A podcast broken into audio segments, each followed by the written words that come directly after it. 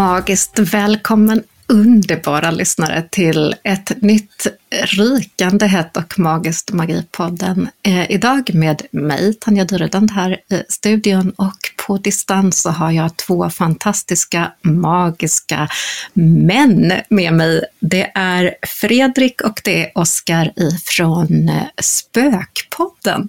Varmt och hjärtligt välkomna till Magipodden! Woho!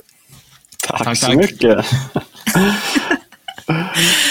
Jag har ju varit och gästat er fina poddis och eh, det gjorde vi i början av sommaren och så har vi försökt få till en liten dejt eh, med poddande. Och så har det bara liksom dragit ut på det, tiden, dels därför att vi på Magipodden tog väldigt lång semester. Men vad jag har förstått så har Spökpodden inte tagit semester. Oh my god, jag tycker jag ser det överallt. Det är livepodd och det är hitpodd och det är ditpodd. Wow! Berätta, berätta, vad är det som är på G? Det kan Fredrik berätta om han vill. Ja, det kan jag göra. Jo, men eh, det som ligger närmast framöver här nu, det är ju precis som du sa, då ska vi ha vår första livepodd och den kommer vi ha i Trollhättan på restaurang Brasseriet den 6 november. Och då, då kommer vi börja vid 19.30 och självklart då så vill vi att så många som möjligt ska komma. Och vill man det så går man in på nortic.se och så köper man sig sin biljett där.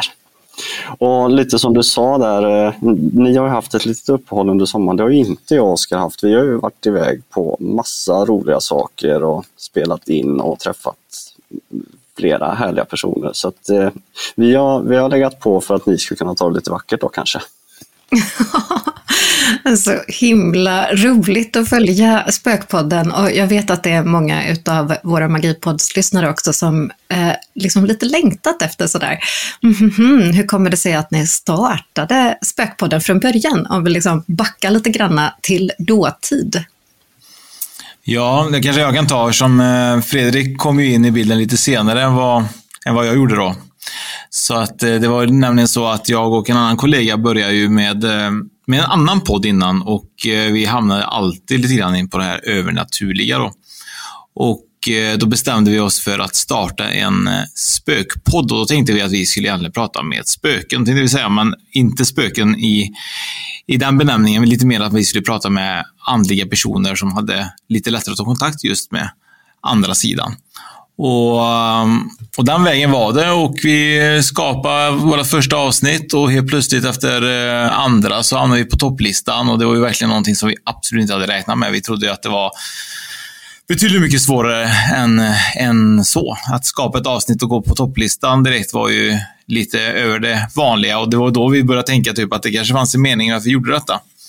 Och eh, den vägen var det och eh, min andra kollega efter ett år la ner. Han började med något annat med en, en annan tjej och så vidare som han, eh, som han blev tillsammans med och ville ha en egen andlig podd. Och det var ju självklart Fredrik eh, det absoluta bästa alternativet jag hade för att ta podden till nästa nivå. Han eh, har ju också en eh, en andra halva som är just eh, andlig, som ni kanske känner till. För er som eh, inte känner till så är det ju Anna Strandlind då. Ja, för det var ju lite roligt då när, för, eh, då när vi började, eller vi började ju inte riktigt med det, eh, eller med podden, men för vi träffades, jag och Oskar, på en sån Eh, vad heter det? Alternativ mässa. Precis, alternativ mässa i Trollhättan. Och det här är, är det ett och ett halvt år sedan nu, lite drygt tror jag. Uh, och då parkerade Oskar bakom mig och så undrar han, vad fasen gör du här? Ja, men jag ska in till frugan här nu, jag hjälper henne lite grann för hon uh, är med på mässan och ska ha storseans och, och sitter med sittningar och sådär. Och Oskar skulle ju upp då för att ja, kolla läget och se lite vad han kunde hitta lite intressanta personer till podden. Och då började det egentligen med att eh, Oskar frågade lite om jag kunde hjälpa till att spela in och filma. Så där började ju eh, våran spökresa tillsammans om man säger så. så för jag spelade in eh, Youtube-avsnitt och lite sånt där för dem. Då. Eh, och sen så har det bara rullat på. Nu har jag varit med i ett år Jäklar vad tiden går, Oskar. Fram med tårtan och eh, det fina batteriet utav eh, ballonger. Och bara woho, vi firar ett helt år. Ja. Och vad fint också med eh, den här synkroniciteten. För det är ju ofta sådär att eh, skickar upp en tanke eller en idé eller en fundering och så plötsligt så är det som ett kugghjul utav saker liksom, som faller på plats när det väl är meningen. Ja, ah, men det här var meningen, du skulle parkera där och ni skulle börja prata och eh, att din eh, andra hälft här också är i, inom hela den här spiritualistiska världen gör ju att det liksom blir en egen liten härlig bukett.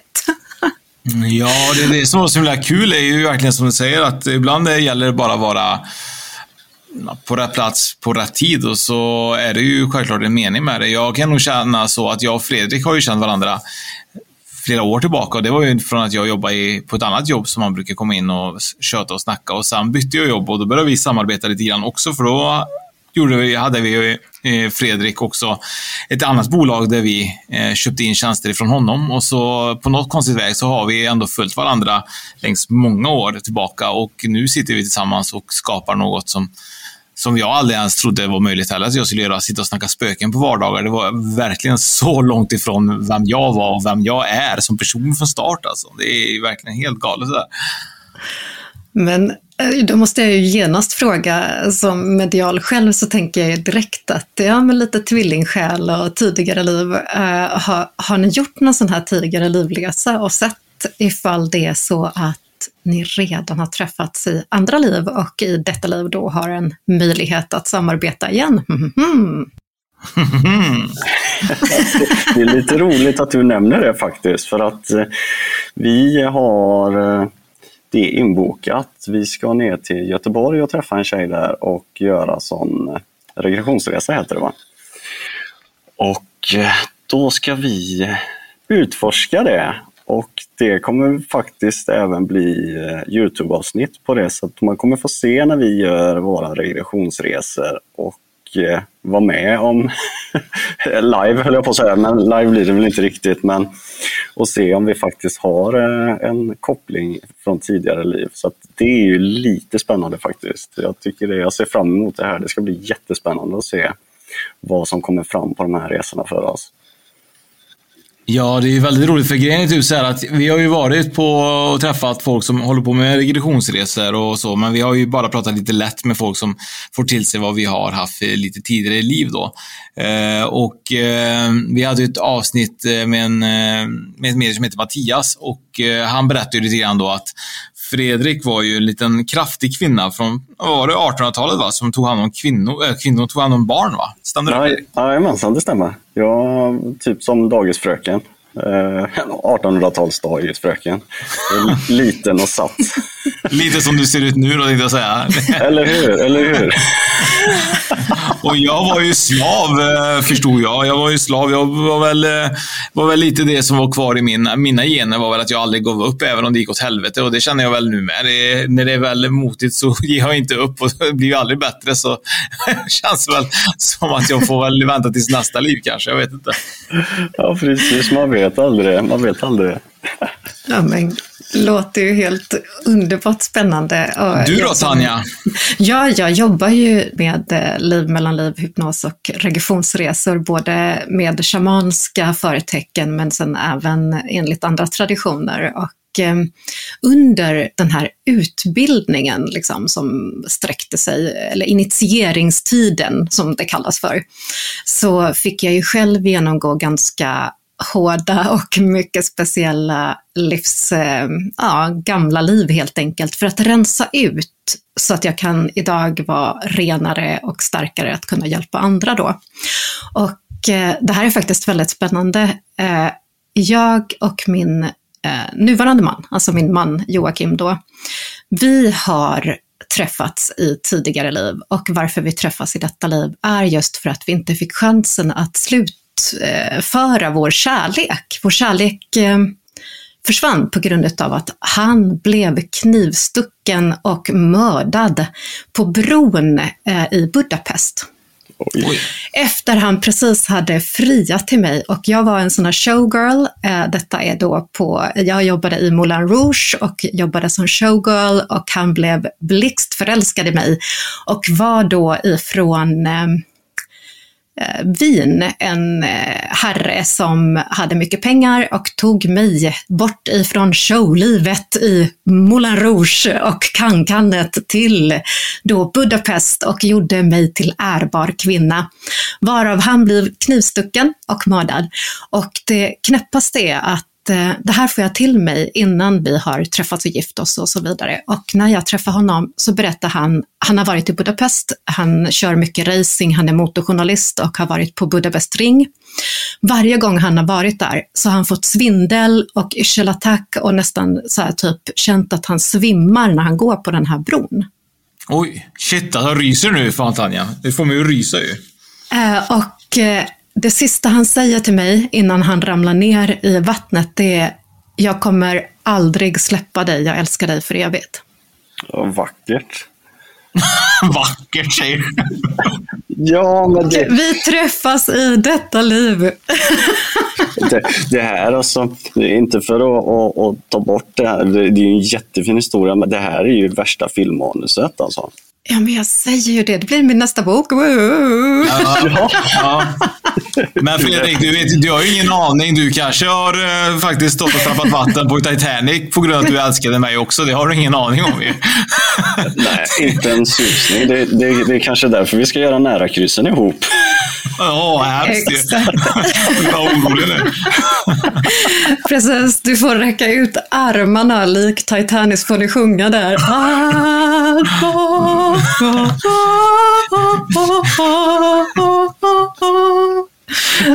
Eller hur?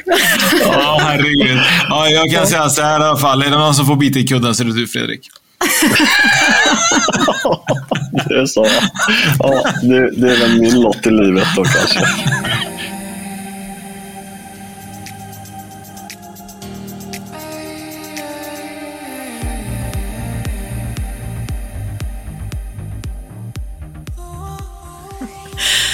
Och det är ju perfekt också att eh, förvalta tänker jag också den här, jag menar eftersom ni träffar så mycket spännande eh, människor och möten och får vara med om väldigt mycket spännande upplevelser. Och då kommer vi ju genast in på eh, våra lyssnarfrågor såklart.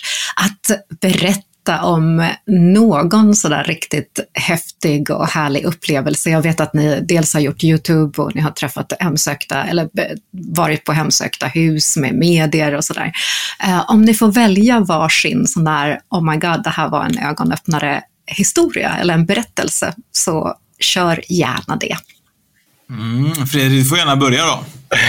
ja, men jag börjar då. Eh, vi var iväg på Four Elements Retreat här för en dryg månad sedan är det väl nu. Och då är det ju de fyra elementen då, eh, jord, luft, vind och eld. Och eh, då var vi iväg från fredag till söndag och det var ju också en sån här eh, magisk helg faktiskt. Eh, vi var väl ett gäng på en 15-16 personer och eh, bland det första de som till oss när vi kom dit det var det att eh, vi satte oss i en cirkel då och så fick man berätta lite vem man var och sådär. Och sen så sa Jeanette då, som höll i det främsta att det här är våran cirkel och den ska vi inte bryta. Det är här vi har vår comfort zone och det som vi delar och våra tankar och det vi har med oss, det stannar i den här cirkeln. Och bara det att hon sa det tycker jag, det var, det var häftigt. Och sen allt som vi fick uppleva där. Något, det som blev starkast för mig på ett sätt, det tror jag var när vi gick på glödande kol. För då, ja, vi hade hållit på hela dagen eh, och så fick vi äta ute i en timmerstuga. De hade gjort en jättegod soppa soppa. Vi satt där eh, och småfrös och, och såg fram emot det här. Då. Vi pratade om att ja, ska, ska alla våga gå på kolen och det är ju varmt och hur långt är det? Och jag tror vi var uppe från 3-4 meter till 500 meter lång kolbädd. ja, men det här snacket Den som växte. är innan. Ja, eller hur? Och, och, och sådär. Och så eh, tog de med oss från där vi hade suttit ute och käkat bort till, då hade de ju ordnat den här, en jättestor eh, eldstad eller vad man kallar det. De hade pallat upp med, med ved och grejer och så satte de fyr på det med, med, med elden som, som tema då och eh, allt vad det innebär och lite att man ska ha respekt för eld och alla de här sakerna. Och så fick vi sitta där och se på den här elden och det blev varmare och varmare ju mer den tog sig och så var vi med tills den brann ner och så eh, grävde de fram den här eh, kol eller glödbädden då som vi skulle gå på och det, det var magiskt. Det var så häftigt att se. Jag har ju gått på, på glödande koll tidigare men det här var, just det, vi var ett stort gäng, vi var ja, 15-16 stycken och man kände connection till alla och det var några som var lite oroliga innan och andra tyckte att nej, men det här är ingenting. Men just det att man, man hade connection med allihopa där och det var, det var mycket som, som hände i tankar och känslor. Och vi hade även fått skriva ett brev eh, med saker som vi ville göra oss av med, som vi slängde i elden sen eh, symboliskt. Och det var häftigt, det var riktigt häftigt. Så det, det bär jag med mig. Det var en häftig känsla, verkligen. Ja, det var wow, verkligen. Um, Ja, jag blir nästan lite rörd nu när jag pratar om det, för det var, det var häftigt. Det var det riktigt häftigt. Ja, det var en tung, en tung upplevelse liksom. Ja, det var det. Och rent känslomässigt också, när man eldade upp. Ja, vi skrev ju faktiskt på en träbit och slängde in den träbiten i elden. Eh, att man, det, det, är något häftigt med det, alltså att, att bränna upp och släppa och gå vidare. Det, det var magiskt var det. Verkligen. Mm. Ja, får jag ta över nu kanske? Lite grann. Ja, men det får du. ja, jag har ju lite jag har en annan upplevelse, eller jag har flera upplevelser. Någonting som jag tyckte var väldigt mäktigt, det var när jag var med, eh, med Anna och Pierre egentligen på Restagård eh, i Vänersborg. Där hände det väldigt mycket övernaturligt. Men ett av de mest grejerna som jag bär med mig i alla fall ifrån podden, sen har väl hänt grejer privat eh, med lite övernaturligt och så, men jag och Fredrik spelade in ett avsnitt som heter Hemsökta föremål. Och under den här poddinspelningen då så um, började vi snacka om lite, om lite saker om vad som händer när man har ett hemsökt föremål. Och då är det så att man kan oftast få mardrömmar eller man kan må dåligt av det eller man känner av energier från det och man kan väl förmodligen också uppleva att saker kanske rör sig och lite sånt då. Men eh, så när vi spelade in här så kom jag på att när jag var liten så hade jag en jättegammal staty som mina föräldrar ägde som, eh, som jag var livrädd för. Det var en, en staty som var ungefär en halv meter hög och så var den gjord av eh, koppar. Och eh, den här statyn gav mig väldigt, väldigt mycket mardrömmar. När jag kom hem från skolan så kände jag bara när jag stod och tittade på den, när jag öppnade ytterdörren, så stod den vid trappan och jag mådde så himla dåligt när jag, när jag såg den och eh, varje gång jag skulle gå och sova så hade jag en mardröm om den här eh, statyn. Och den statyn, varje natt, eller inte varje natt, men de nätterna jag drömde om henne så blev hon en, en kvinna, en riktigt stor vanlig kvinna. Och eh, hon förföljde mig och jag blev så rädd så jag föll alltid och rädd och blev paralyserad av skräck. Och det, det satt med mig jätteofta på de här eh, nätterna som jag drömde om henne. Och eh, ju mer jag tänkte mer på henne, ju mer upplevde jag saker som jag, eller upplevde jag började förstå att jag eh, kanske hade fått ett hemsökt föremål. Min pappa hade köpt det på en auktion. Vi hade ingen aning vad det var. Vi visste bara att den här gudinnan hade eh, en, ehm, Eh, en vad, man kallar det? Typ, de hade, man sa typ att hon, eh, att hon visste vem som skulle dö först i familjen. Och man, eh, hon hade typ, hon, jag vet inte vad hon var för gudinna. Vi hade ingen aning mer än min pappa hade köpt en auktion och, och, han sa att han fått den informationen att hon hade koll på vem som skulle dö. Så jag vet inte om på något sätt att han sa det skapade även en rädsla i mig. Då. Eh, jag minns i alla fall en kväll så satt jag och syrran och kastade en boll till varandra och min mormor då, som bodde hos oss hade hon ställt den här statyn precis bredvid våran fåtölj. Och eh, när jag tar den här bollen så faller jag bakåt och den har typ som en spetsig tiara, den här gudinnan. Så hon spetsar och penetrerar mitt öra. Som tur var så sätter den sig i örat och inte i halspulsådern då. Och jag tror att även, även det skapade sig ännu mer rädslor då. Men det konstiga var i alla fall att när vi spelade in det här poddavsnittet då så sa jag typ att jag ska se om jag kan göra en research på just den här statyn. Och eh, jag googlar och det enda jag kan skriva är ju då indisk gudinna i koppar eh, staty typ. Och då dyker ju den enda bilden upp, så finns det en bild från 2019 att någon säljer den här på Buskovskis. Och eh, jag skickar ett sms. Först ringer jag och får inget samtal alls. Och så andra gången ringer jag, eller det kommer inte fram någonting. Så andra gången ringer jag igen så blir jag borttryckt. Tänkte jag så här, det är väl ingen som vill prata med mig. Så jag skickar ett sms då. Och frågar ifall den har någon information om den här statyn. Eh, och jag får inget svar. Och så tar det ungefär en eh, ett dygn ungefär och så plingar det på min telefon och då får jag ett sms av den här personen. Då. Och då är det så att eh, personen som har sålt den är tyvärr inte vid liv längre. Men eh, däremot så säger de att den här statyn köptes på 40-talet i Tibet och är en av eh, Lokas indiska gudar. Och den såldes på Buskovskis då.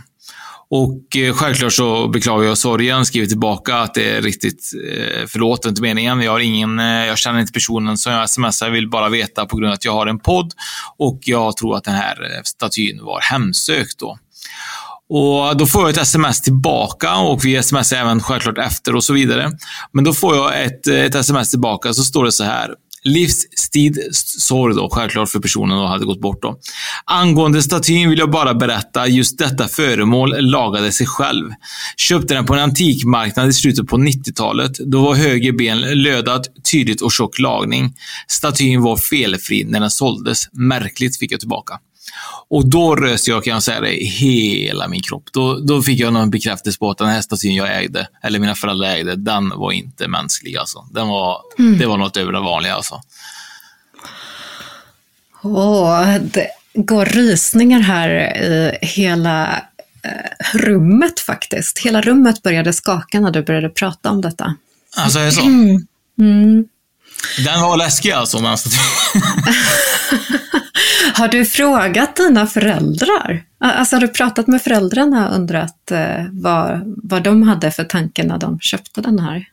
Min pappa köpte den bara för att han gillade allting som var guldigt. Vet. Han var typ såhär, jag är ju från, från utlandet du vet, och pappa, vet, allt krimskrams, allting som ser guldigt var ju magiskt tyckte han. Det är som det är såhär troll, det är någon såhär leprechaun som ska ha sina guld, guldmynt typ.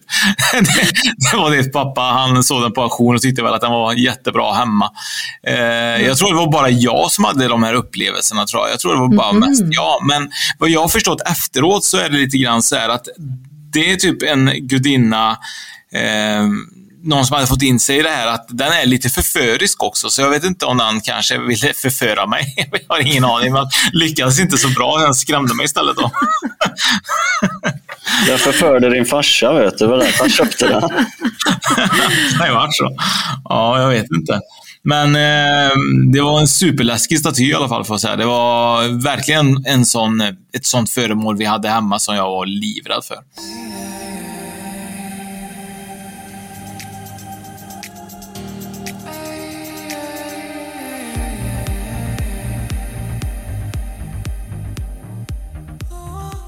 Ja, det finns ju väldigt mycket grejer. Jag menar, det finns ju, det är därför vi kör lite grann den här livepodden som kommer vara, för att vi kommer ju dela med oss självklart mycket av våra upplevelser vi har haft. Vi har ju haft väldigt mycket, tror jag, både privat och sen via podden självklart, där vi har varit på lite YouTube-grejer där saker har hänt och så.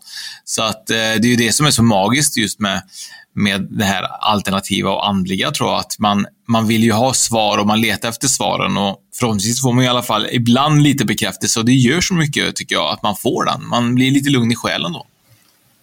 Ja, jag kan hålla med dig där Oskar, just det att för ibland så blir man ju sån, även fast eh, man har det här i sig på ett sätt och att man, man känner av vissa saker. Och, men en del grejer är ju lite halvcreepy och man blir ju konfunderad emellanåt och undrar, fansen drömmer jag nu eller har jag verkligen varit med om det här? Och det, det tycker jag ger så himla mycket också. Sen man startar med podden då, eller vi har det, för vi får ju ganska eh, mycket jag ska inte säga bekräftelse, men svar från, från lyssnare som säger att de har varit med om liknande saker och det här, eh, den här eh, statyn som Oskar pratar om, att det är fler som har, har, har mött den och haft liknande upplevelser kring det. Och det, det, det är bara en av, av många sådana tillbaka eh, svar vi får. Där man, det, det, är väldigt många som får till sig saker och upplever saker, men det pratas alldeles för lite om det tycker jag. och det är ju lite därför vi håller på också, jag och Oskar, att, att eh, ändå på ett eh, för oss i alla fall enkelt sätt och lite avdramatiserat sätt få ut det här och få ut lite kunskap om det. För, för det är okej okay att vi emellanåt pratar om, om lite halvläskiga saker som händer, så är det ju, jag skulle vilja påstå att det är ju det är ju så mycket mer positiva saker som händer eh, som man får till sig också. Det, det är ju det är häftigt. Det, jag tycker det är skitkul att få de här eh, breven som vi får emellanåt och eh, folk skickar in berättelser och, och delar med sig. Det, det, det är häftigt. Det, det lever man lite på. Och, och, och jag tänker direkt då, hur har själva poddandet Eh, påverkat er liksom personligen? Ni var inne lite grann på att det även har hänt saker i det personliga livet. Jag kan nog säga att det har påverkat mig väldigt positivt får man säga. Jag eh, har ju vanligtvis alltid sprungit igenom mitt liv på alla sätt eh, egentligen. Tanke på att jag är väldigt just eldig och vindig och tvilling i mitt stjärntecken och det har vi pratat om i, i det avsnittet som du var med i hos oss då. Att jag har ju på något sätt alltid sökt efter nytt eller jag är aldrig nöjd. Eller, vet, så här, de, de, de känslorna försöker jag jobba med och de ser jag, de bristerna hos mig försöker jag arbeta med och det gör jag via just den här genom att träffa människor som har kanske just eh, gett mig tips hur jag ska tänka eller hur jag ska se på livet. Eller det, så man, det, man kanske ska vara nöjd med det egentligen, det man lyckas med. Man kanske ska klappa sig i axeln och känna att man ändå är nöjd egentligen. Att man här är egentligen bara en, en plats och en plattform där vi ska lära oss av och att jag kanske ska lära mig att njuta av livet som den är här och nu. Så att jag tycker att den här podden på något sätt har ju ändå hjälpt mig att se saker annorlunda genom att vara på den här retreaten som jag och Fredrik var på där han berättar just de här upplevelserna. Eh, jag, hade ju, jag är ju jättesvårt med att ta av mig tröjan bara på bara överkropp. Jag bad ju helst aldrig någonsin i varken i Sverige eller utomlands. Då, men, men just med barnen och så vidare så har jag haft väldigt ångest av att jag på något sätt inte trivs i min kropp. och eh, och jag fick göra det där då. Det var ju någonting som inte jag hade hoppats på alls att jag skulle få, få göra. Men eh, det var en av de grejerna man skulle göra. Man skulle ta sig på bara överkropp och så skulle man hoppa i vatten i, och bada i kalla vattnet. Och jag hade ju så mycket ångest, men efter att jag gjorde det och fick prata om det i en, tillsammans i en ring och berätta. Och det var ju väldigt känslosamt för mig, men det kändes som att det gav mig så mycket tillbaka av att få dela med mig i en grupp där jag känner mig trygg. Och jag tror att det, det är lite det här med det alternativa allmänt, tror jag, när folk lyssnar på våran podd eller vi lyssnar på någon annans podd. Det är att man, man får verktyg med sig för att eh, ta det vidare i livet. Man är oftast, man låser sig lite grann i både tankar och sätt att tänka och vara och, och så. Så jag tror att det här med det alternativa är väldigt viktigt och sunt för, för oss allmänt människor. Mm, ja, jag håller med. Och det, det har öppnat upp mycket för mig också, podden. Nu lever jag visserligen med, med en fru som har det här som yrke och jobbar med det andliga och har gjort de senaste tio åren. Men nu när du ställer frågan Tanja, så eh, jag vet inte varför, men det ploppade upp. Eh, jag tror jag gick i sjätte eller sjunde klass eh, och skulle ha en sån här praktikvecka som man hade då. Och då var jag med min pappa på jobbet. Han jobbade i, inom bankväsendet då. Och jag minns det ungefär som att det var igår för att eh, då när den veckan hade gått som jag hade varit där så eh, satt jag och farsan och pratade efter. Han ville höra hur jag hade upplevt det och eh, vad, hade, eh, vad jag hade fått göra och sådana här saker. Och och då började jag berätta lite vad jag hade fått till mig. Då tänkte jag inte på det, men jag, jag började på något vis att prata om de här personerna som jag hade mött där. Och, eh, hon var si och han var så, och de, de gjorde på ett visst sätt. Och, eh, på något vis så, så hade jag fått till mig jätte jättemycket som stämde. För jag, jag minns det så väl när pappa sa efter att du Fredrik, att eh, det här som du har fått till dig om de här personerna, det har tagit mig tre, fyra år att förstå hur de här människorna fungerar. Han hade jobbat så pass länge där då. Och det har suttit med mig. Och jag vet inte varför det kom upp just nu, men det är ju någonting med podden också som gör, vi träffar ju fantastiska människor eh, som är väldigt tankfulla och kloka och har väldigt mycket att dela med sig och ge. Och det gör jag också emellanåt, som Oskar sa tidigare, vi är väl entreprenörer i botten, jag och Oskar. Och emellanåt så är det svårt att stanna upp, men så kommer de här ögonblicken när man faktiskt gör det, att ja, just det, det, det är häftigt. Och just podden för min del, då, det, det har gjort att jag har kunnat stanna upp ännu mer och reflektera på saker och ting som man inte gör annars, eller som jag inte har gjort. Eh, och det är lustigt att det här minnet kom upp just nu då. Det har jag inte tänkt på på många, många år. Det är ju hundra år sedan det hände. Vad spännande och eftersom vi startade här med att tänka på tidigare liv och sådär, eh, ta vid där därför att det kanske finns lite nycklar till något genom det yrket eller det, den upplevelsen eller den känslan som du kan ta vid sen när ni ska iväg och regrera. Precis. och jag tänkte på det du sa också, det här med din kropp eh, och känslan utav obekväm i din kropp. Där fick jag också till mig väldigt starkt att eh, fundera på vad det betyder. Mm. Alltså jag ska sluta äta chips tror jag det ska betyda.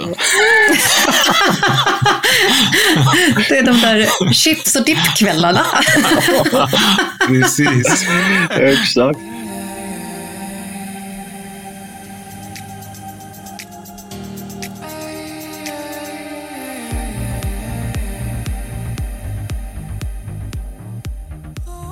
Ja, men vi har ju pratat lite om den här regressionsresan, jag och Oskar. Och att eh, Oskar skulle ju ta med sig en påk som han skulle slå mig med om, om jag började avslöja för mycket här. Mm, ja, nej men jag tycker det är sant, det är intressant och sen tycker jag verkligen som, som du säger alltså Fredrik, åh oh, jävlar nu tappade jag hörlur. Eh, jag tycker att det är lite intressant det här med att eh, våra resor allmänt så skapar ju ringen på vatten också där vi får träffa, som, som har gästat din på till exempel då, Tanja. Det är ju bara för våran del så är det så himla kul att få, få ta del och vara här med dig också igen. För att grejen är att vi har ju våran skillnad på våran podd och många andra poddar tror jag, det är lite grann det som Fredrik sa, att vi avdramatiserar lite det här med, ibland med det spökliga. Och sen hör man oss prata allmänt, ha ett samtal med, med medium som, och vi ställer ju ofta sådana här frågorna som kanske inte man vanligtvis alltid gör ifall det är kanske är två medium i podden. För att ni sitter ju kanske ibland med svaret. Eh, och, och, och, vi sitter ju inte med några svar, så vi ställer de här vanliga Svensson-frågorna.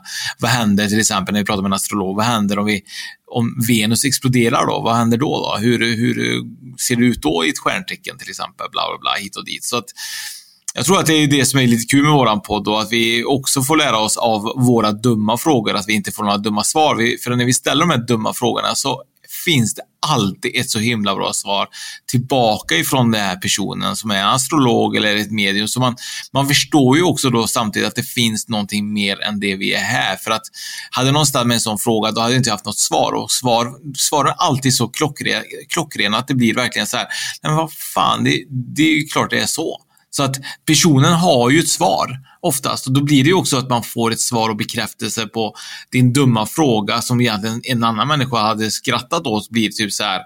Och då blir jag dumförklarad på ett bra sätt att fan, det tänkte jag aldrig jag på. Det är självklart är det så. Och då får jag också ett svar att det finns något mer där borta utöver det här.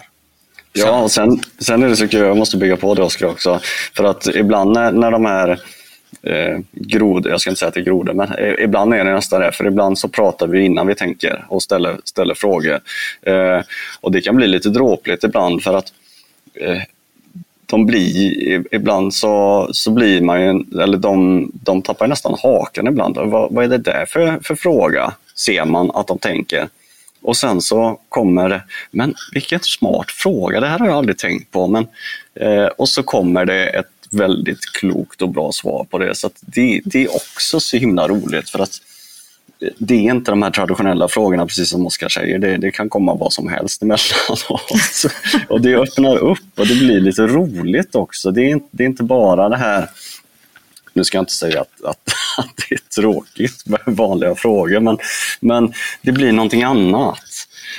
Det blir personligt framför allt och det, det, jag menar, vi människor är ju vetgiriga och ni två kanske har en vetgirighet som liksom sträcker sig 360 grader, för det tänker jag väldigt ofta när jag lyssnar på er podd, att det är lite så frågor 360 grader eh, om du förstår vad jag menar. Det är liksom all over the place. Och, och det är det som blir roligt, för det är så livet ser ut. Och så tänker jag att till dig också, älskade lyssnare, att djupt inom oss så har vi ofta ett svar. Alltså vi, vi har en kunskap, vi har en högre medvetande och vi kan ta del av högre medvetande genom alternerade tillstånd eller meditation eller att bara vetgirigt ställa frågor. Så det är ett bra tips också till dig älskade lyssnare att tänk lite 360 grader, lite Spökpodden-style här nu. Jag, jag ställ tänkte, alla frågor. jag, jag tänkte lite grann som när, när Fredrik pratade Fredrik, eh, jag tänkte lite grann det här med eh, cell memories. Jag vet inte om ni, ni har pratat om det. Vi, jag och Fredrik var ju på sån här, vi träffade en, en av våra gäster som var med som, eh, som sa att hon kunde ändra cell, ändra ditt DNA, DNA. Ner, ner till mm. cellnivå genom att man skulle titta på den i två timmar i ögonen. Ju. Och eh, Eh, jag och Fredrik var ju på detta och eh, det vi upplevde var ju faktiskt väldigt magiskt. Det får vi faktiskt inte glömma. Den är ganska viktig den upplevelsen, för den var för oss båda. Och när vi var där, så jag var ju själv skeptisk till att jag skulle kunna stirra på någon i två timmar allmänt och tro att det här skulle funka. Men någonting hände för mig och Fredrik när allting startade. Vi var runt en 15 pers och vi alla satt där och tittade på henne då, som stod och skakade och drog ner energi från Uranus. Eh, för att det är ju därifrån hon får den här gåvan och att hon besitter då, eller någon kommer och besitter henne då, så att det inte är hon själv som gör detta då. Och allt det här lät väldigt flummigt och väldigt knäppt och jag tyckte att det här låter verkligen helt, eh, helt, eh, helt superknäppt. Även om man träffar folk som håller på med andlighet, men det här var utöver det vanliga. Och när vi sitter där så delar vi samma upplevelse utan vi vet om det. Vi pratar om det efteråt och då blir det så att hela rummet blir suddigt och det blir som ett jättestort starkt ljus bara som täcker våra ögon. Och man börjar se aura runt människor och hon upphöjs och blir jättesuperstark eh, stråle typ och lyser upp hela rummet och hon byter skepnad flera gånger om och det, så här, man, det var helt galet alltså. Där. Och, och det är en upplevelse jag tänkte så det vill jag gärna ta med. Så att, eh, sådana grejer tycker jag är helt otroligt att vi får ta del av. Ja, jag, jag, måste flika in där också. Det, för det var så jäkla häftigt. Vi satt i bilen och åkte hem därifrån, Oskar.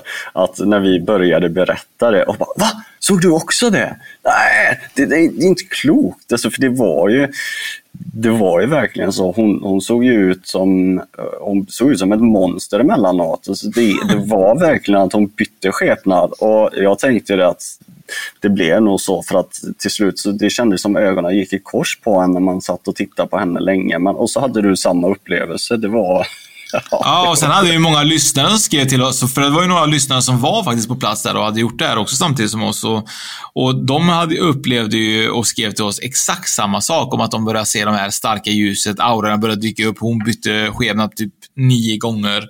Eh, så det var verkligen en, en upplevelse utöver vanliga. Sen vet inte jag om hon ändrat mitt DNA så att jag på något sätt är, kommer få vackrare barn i framtiden. Det vet inte jag, men... Eh. Nej.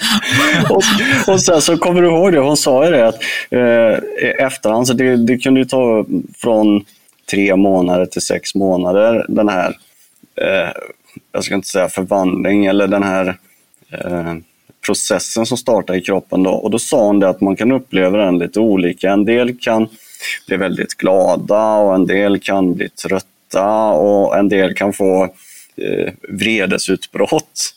Och när vi åkte hem så fick ju du det, Oskar, jag kommer ihåg det, han den cyklisten. ja, vredesutbrott ja. ja. Det var Men... kanske en del av transformationen där som satte igång där. Men, men alltså energier på riktigt, vi är ju omhuldade av energier och framförallt när du, som i hennes fall då, har en direkt länk eller en direkt kontakt med eh, medialitet upp till liksom, någon typ av stjärn, Uh, eh, ja, det finns ju olika uh, star talks och så vidare, där du kan faktiskt alignera dig med att prata stjärnornas språk här på jorden är det ju så häftigt med den här energipåslagen och den här typen av energi som vi faktiskt har omkring oss hela tiden, men bestämmer att rikta in oss lite på olika sätt, eller hur? Mm. Mm, verkligen. verkligen.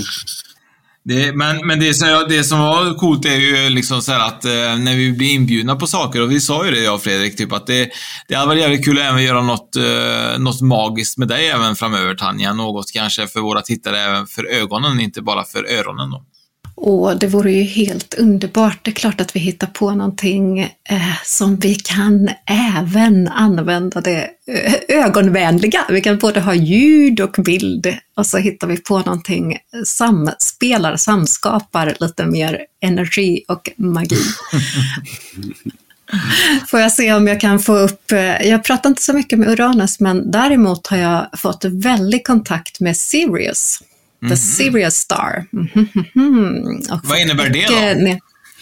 Ja, för mig, det är ju olika vad olika personer självklart medialt blir uppkopplade till, men under denna sommar när jag suttit och skrivit, eller renskrivit egentligen manus till min bok, så har jag blivit upptankad med information väldigt mycket ifrån och om den här stjärnan Sirius.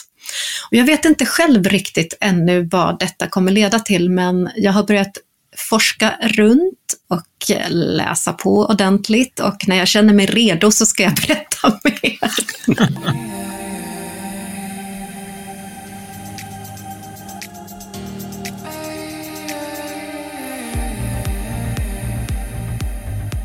Får jag ställa en fråga till dig Tanja? Förlåt Fredrik. Eh, förlåt, jag tänkte nu när det är halloween. Jag har ju hört att det ska vara så här tudd, att Förr trodde man, eh, kalterna trodde väl att det var ett här tunt eh, skikt eh, 31 oktober för att man skulle kunna få kontakt lättare med andra sidan och att man skulle på något sätt kunna få dem att gå bland oss och att det är därför vi klär ut oss för att vi skulle kunna ja, smälta in bland alla spöken och demoner och monster när de väl kommer. Stämmer detta eller är detta bara liksom en ren myt? Detta stämmer och håll i hatten. Det här är ju en av årets mest magiska perioder. Det är ju otroligt mycket folktro och så blir vi också påverkade med sådana högtider, precis som Kristi himmelfärd, precis som eh, midsommar eller eh, sommarsolståndet. Och vad som händer just nu, det är ju att det är en liten eh, bukett av olika händelser skulle jag vilja säga. Eh, dels har vi, precis som ni är inne nu, eh, keltiska eh, årshjulets största händelse, nyårsafton, New Year's med Samhain, som firas med att verkligen tacka för denna skörd och bjuda in då vinterns komst och ett nytt år.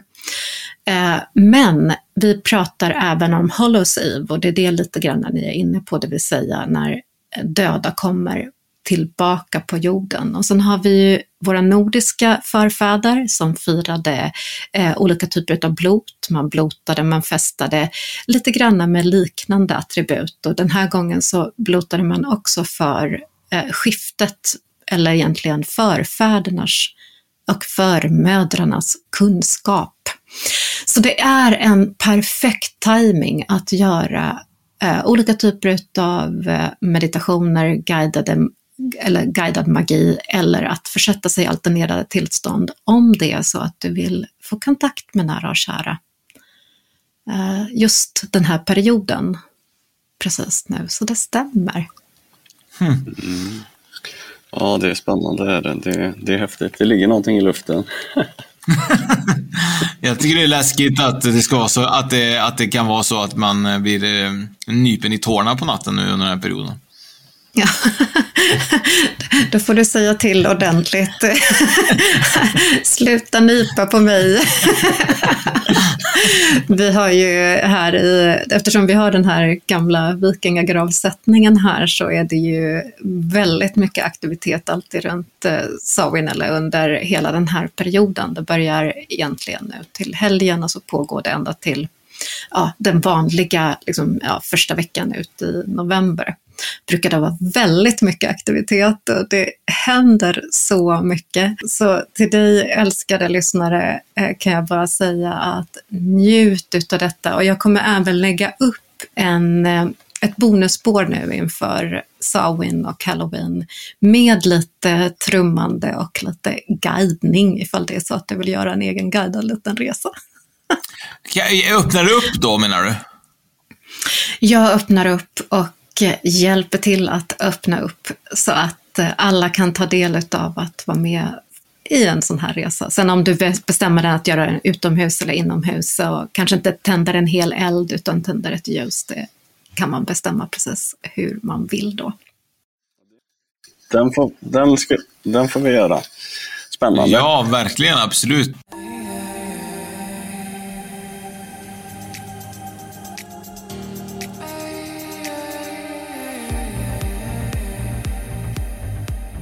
Vad ska ni hitta på då? vi har ju alla helgona så har vi ju våran livepodd på, på Brasseriet i Trollhättan och sen eh, på själva halloween då är jag bortbjuden eh, hem till eh, min sambos eh, syster och man och barn så ska vi ha våran ena lilla halloweenfest kan man väl kalla det då. Mm. Ja, nej, precis det som Oskar säger. Där um, helgen så, så kör vi live och sen så jag har ingenting planerat för en gångs skull och det ska bli så skönt. Får eh, både till den här festen som ni går på får ni ta och duka eh, eh, en, en tallrik och lite dryck. Och så kan alla fundera på vem de vill placera där. Det är en fin liten ceremoni till en halloweenfest. Och bara tänka sådär, ja men där sätter jag den här personen eller där sätter jag, om det är så att man har personer på andra sidan som man längtar lite grann till och så kan man skåla lite under kvällen till den personen. Och du behöver inte säga högt inför alla vem det är utan att man bara har med dem på festen. Det är gammal tradition faktiskt. Vad roligt. Det, det, det, det jag. ska absolut ta med min mormor direkt alltså. Åh, mormor får vara med jag. på festen där. Och du får ta med din morfar då? Eller är det morfar? Ja, jag tror jag, ja, ja, de är med på andra sidan, men jag ska bjuda in min mamma. Ska jag göra. Men hon, men hon, Nej, hon lever inte din mamma? inte det tyvärr. Hon gick bort för några år sedan här. Se vad dåligt ja. koll jag hade. Nu skäms jag. Jag trodde verkligen... Jag, nu trodde ja, jag hon är med oss ändå, vet du. Det är därför. Ja, ja, det, ja. det är därför. oh, underbart. Då tar vi med både mormor och mamma och även du älskade lyssnare kan ta med dig det. Det är fint att, ha, att duka upp just de här kvällarna lite extra. Och Eh, du som är i Stockholmstrakten är ju självklart välkommen också till Harmoni Expo som kommer vara den 30-31. Och jag kommer faktiskt öppna hela mässan eh, med ett öppningstal och en guidad trumceremoni.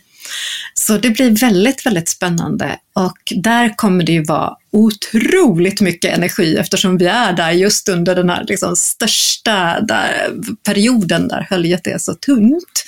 Så jag kan tänka mig att det blir en väldigt high energy mässa under de här dagarna. Men ni kommer inte hit.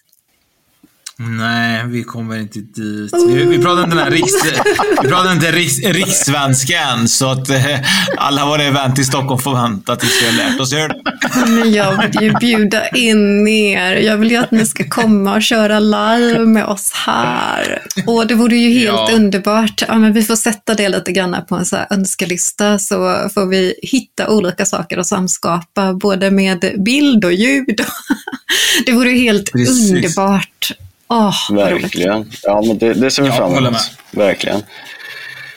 Och vi ska ta och se fram emot framtiden och samtidigt börja avrunda just denna poddtillfälle. Tiden går så himla eh, fort med er. Det är alltid lika mysigt att poddas ihop och ha lite härliga insikter och så himla fint med alla personliga delningar. Vad roligt att höra. Och jag passar på att önska alla lyssnarna en underbar vecka och önska er också en magisk vecka. Tack, tack så mycket. Tack. Tack för att vi fick vara med. Alla bara... tack, tack. Och vi säger hej då. Hej då.